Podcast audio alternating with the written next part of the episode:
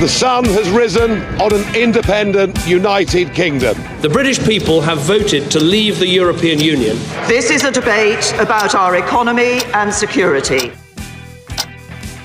Welkom bij Brexit Watch. In de vorige afleveringen zeiden we altijd of je het nou wil of niet. 29 maart komt steeds dichterbij. Maar inmiddels is 29 eh, maart al voorbij en zijn we eigenlijk nog geen stap verder. Maar hoe langer het duurt, hoe meer we het over de zakelijke gevolgen van de Brexit kunnen hebben. Mijn naam is Koos Tervoren en naast mij zit elke aflevering Brexit-expert Caspar Jansen. Hij is Global Trade Specialist. En elke aflevering duiken we in een specifiek domein. Dat zijn deze keer de juridische gevolgen van de Brexit. En dat doen we met Rutger Lambrieks. Hij is partner bij HVG Law en advocaat bij EY Law. Heren, welkom. Ja, 29 maart is uh, zomaar aan ons voorbij gegaan. Uh, ze zijn het niet eens geworden. Maandag kon er opnieuw uh, gestemd worden over een douane-unie, over het Noorse model. Ja, hebben ze er verstandig aan gedaan toch niet voor een van die twee modellen te gaan, Casper? Nou, dat was verstandig geweest. Maar dus stap 1 is even, überhaupt gaan we voor de deal stemmen of niet? Hè? Voor de, de terugtrekkingsovereenkomst. Dat is echt stap 1. En daarna ga je eigenlijk pas kijken naar hoe moet de toekomstige relatie eruit zien. En, en alle stemmingen in het Britse parlement, die zien nu eigenlijk op hoe moet de toekomstige relatie eruit zien.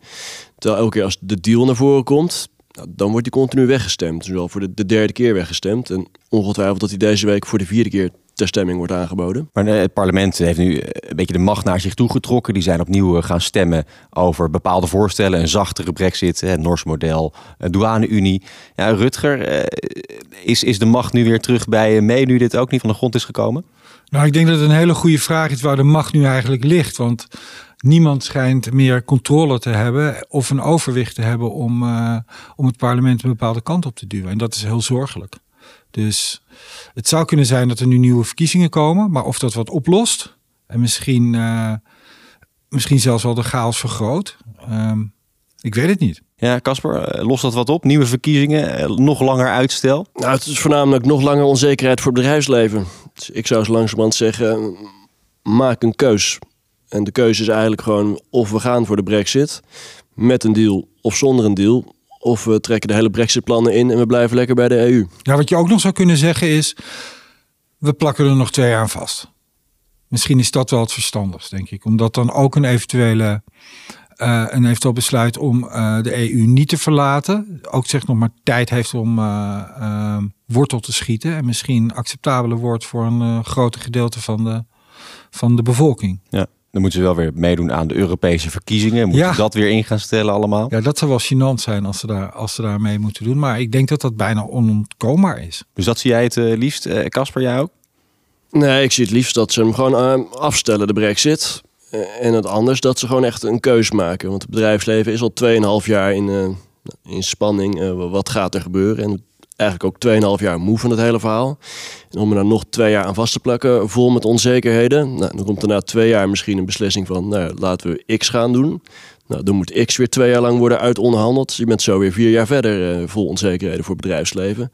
En ik denk dat daar ook echt niemand op zit te wachten. Nee, over die onzekerheden in het bedrijfsleven. Wat, wat krijgen jullie van de bedrijven te horen? Nou ja, in eerste instantie uh, reageerden bedrijven eigenlijk door geen actie te ondernemen. Omdat de brexit nog te ver weg was. En nu is het nu is het heel dichtbij en is het eigenlijk een chaos en weten heel veel bedrijven nog steeds niet precies wat ze moeten doen. Dus ik zie eigenlijk nog best wel veel, zeg maar, een gebrek aan activiteit bij bedrijven. Met name het midden- en kleinbedrijf. Hoe komt dat?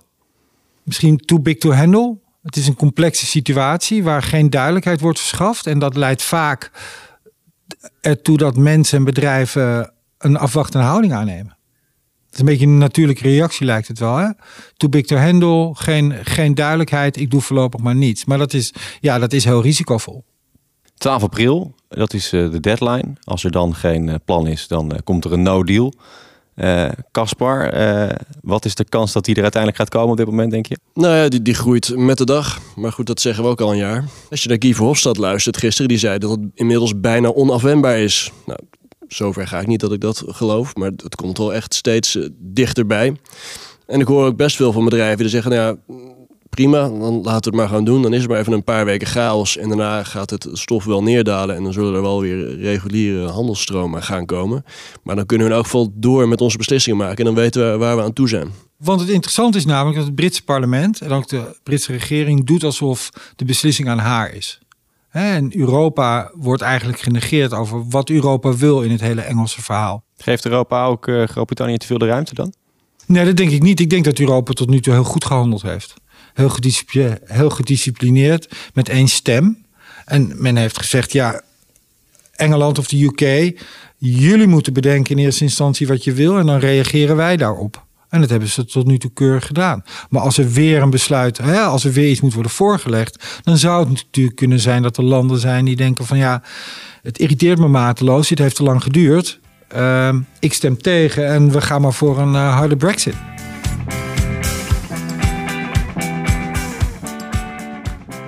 Elke Brexit Watch behandelen we een thema en deze keer staan de juridische gevolgen van de Brexit centraal. Rutger, ja, welke juridische kwesties spelen er op dit moment? Ik denk dat je een onderscheid moet maken tussen korte termijn uh, juridische onderwerpen en lange termijn juridische onderwerpen.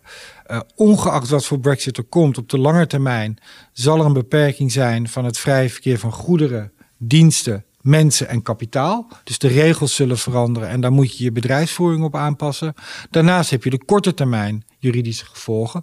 Want het ziet er nu wel naar uit dat als de Brexit ingaat, het, in, het operationeel een chaos wordt. Met uh, lange rijen vrachtwagens aan de grenzen aan beide kanten.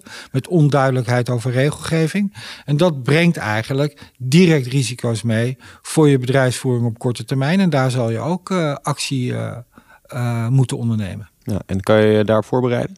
Ja, ja, ja dat is ja, hoe, hoe, hoe korter de tijd, uh, hoe lastiger het is om je goed voor te bereiden. Maar om even een voorbeeld te geven, dat als, als je besluit om goederen te leveren aan een uh, Engels bedrijf op dit moment, dan zou je, moeten, uh, dan zou je toch goed moeten kijken naar je leveringstermijn. Hoeveel tijd geef je jezelf om goederen te leveren aan Engeland? Want je weet niet hoeveel vertraging het oplevert. Je weet ook niet hoe, hoe solide Engelse bedrijven zijn. Dus de vraag rijst: wil je betalingen achteraf, zoals gebruikelijk, of besluit je dat je alleen nog maar levert uh, um, op het moment dat er betaald is. Maar je kan je ook andere situaties voorstellen als je als, je als Nederlands bedrijf een afnemer hebt in Duitsland van producten, maar voor het, uh, voor het maken van je producten ben je afhankelijk van, uh, van onderdelen die uit Engeland moeten komen en die onderdelen komen niet, ja, leg dat maar eens uit aan je Duitse afnemer. Die Duitse afnemer wil die goederen en als die goederen niet komen en, en hij of zij laten, leidt daar schade door, zullen ze je aansprakelijk stellen. Waar je bijvoorbeeld aan zou kunnen denken is uh, het aanpassen van je algemene voorwaarden. Hè, als je zaken doet met Engeland. En dat betekent dat je daarin je betalingsvoorwaarden aanpast. Dat je, dat, dat je daarin opneemt dat er vooraf betaald moet worden. En dat je je eigen leveringstermijnen verlengt zodat je in ieder geval gedeeltelijk kan anticiperen op die chaos. Door eerst betaling vooraf te krijgen voordat je levert. Maar ook jezelf meer ruimte geeft bij het leveren van goederen. Door een langere termijn af te spreken. Kan je dat zomaar eenzijdig doen? Dat is een goede vraag. Dat is lastig. Uh, lastig om zomaar te beoordelen in het algemeen. Um, als je al langer zaken doet, dan mag, je, hè, dan, dan, dan mag de partij met wie je zaken doet er toch van uitgaan dat de afspraken niet zomaar gewijzigd worden. Maar als er zich een bijzondere of urgente situatie voordoet, zoals Brexit, dan zou het kunnen zijn dat dat, uh, dat, dat mogelijk is. Ik zou denken dat die Brexit op zich al 2,5 jaar in de stijger staat. Ja. Niet meer echt heel onverwacht is. Nee, klopt. Dat is een argument. Om te zeggen van je mag eigenlijk je, je algemene voorwaarden niet aanpassen. En dan krijg je dus, en daar heb je het al, een juridisch conflict. Waarbij de Engelse afnemer of de Engelse leverancier zal zeggen van hé, hey, dat mag je niet doen. En jij zegt dat mag ik wel doen. Ja, en dan voordat je het weet zit je een juridisch conflict. En dat geeft dan meteen aan hoe delicaat de situatie is voor als je wil zorgen dat je eigen bedrijfsvoering geen gevaar leidt. Want je neemt vanuit je bedrijfsvoering een, gezien een en volgens jou redelijke beslissing. Ja, en als iemand anders het niet mee eens is, ja, voordat je het weet zit je in een procedure of in ieder geval in een ruzie. En daar is niemand bij gebaat. Je moet als rechter sterk in je schoenen staan als je de eerste zaak hierover behandelt. Ja, het is ook wel een interessante. Uh, maar er zullen ongetwijfeld veel zaken volgen. Ja. Mooi om van een advocaat te horen dat er niemand bij gebaat is. Nee, maar, nee, maar goed, uiteindelijk is het natuurlijk ook het belang van, is het in het belang van je cliënt om te zorgen dat alles zo goed geregeld wordt. En, en, ja, en procedures, zeker ten gevolge van een brexit. En zeker voor het midden- en kleinbedrijf, waar je natuurlijk ook heel snel in, in, in cashflow problemen kan komen, is het natuurlijk een hele risicovolle situatie. Maar het is ook een hele onduidelijke situatie. Dus op juridisch vlak, let als ondernemer op de lange en op de korte termijn. Op de lange termijn, ongeacht wat voor brexit er komt, er komt een beperking op vrij verkeer van goederen, diensten, mensen en kapitaal. Pas daar dus je bedrijfsvoering op aan. En op de korte termijn wordt het bij een brexit een operationele chaos. Dus niet meer leveren aan Engelse bedrijven voordat je de betaling hebt ontvangen. En pas eventueel de algemene voorwaarden aan. Dank Caspar Jansen en Rutger Lambrieks. Dit was Brexit Watch. Wil je niks missen? Abonneer je dan via Spotify of iTunes.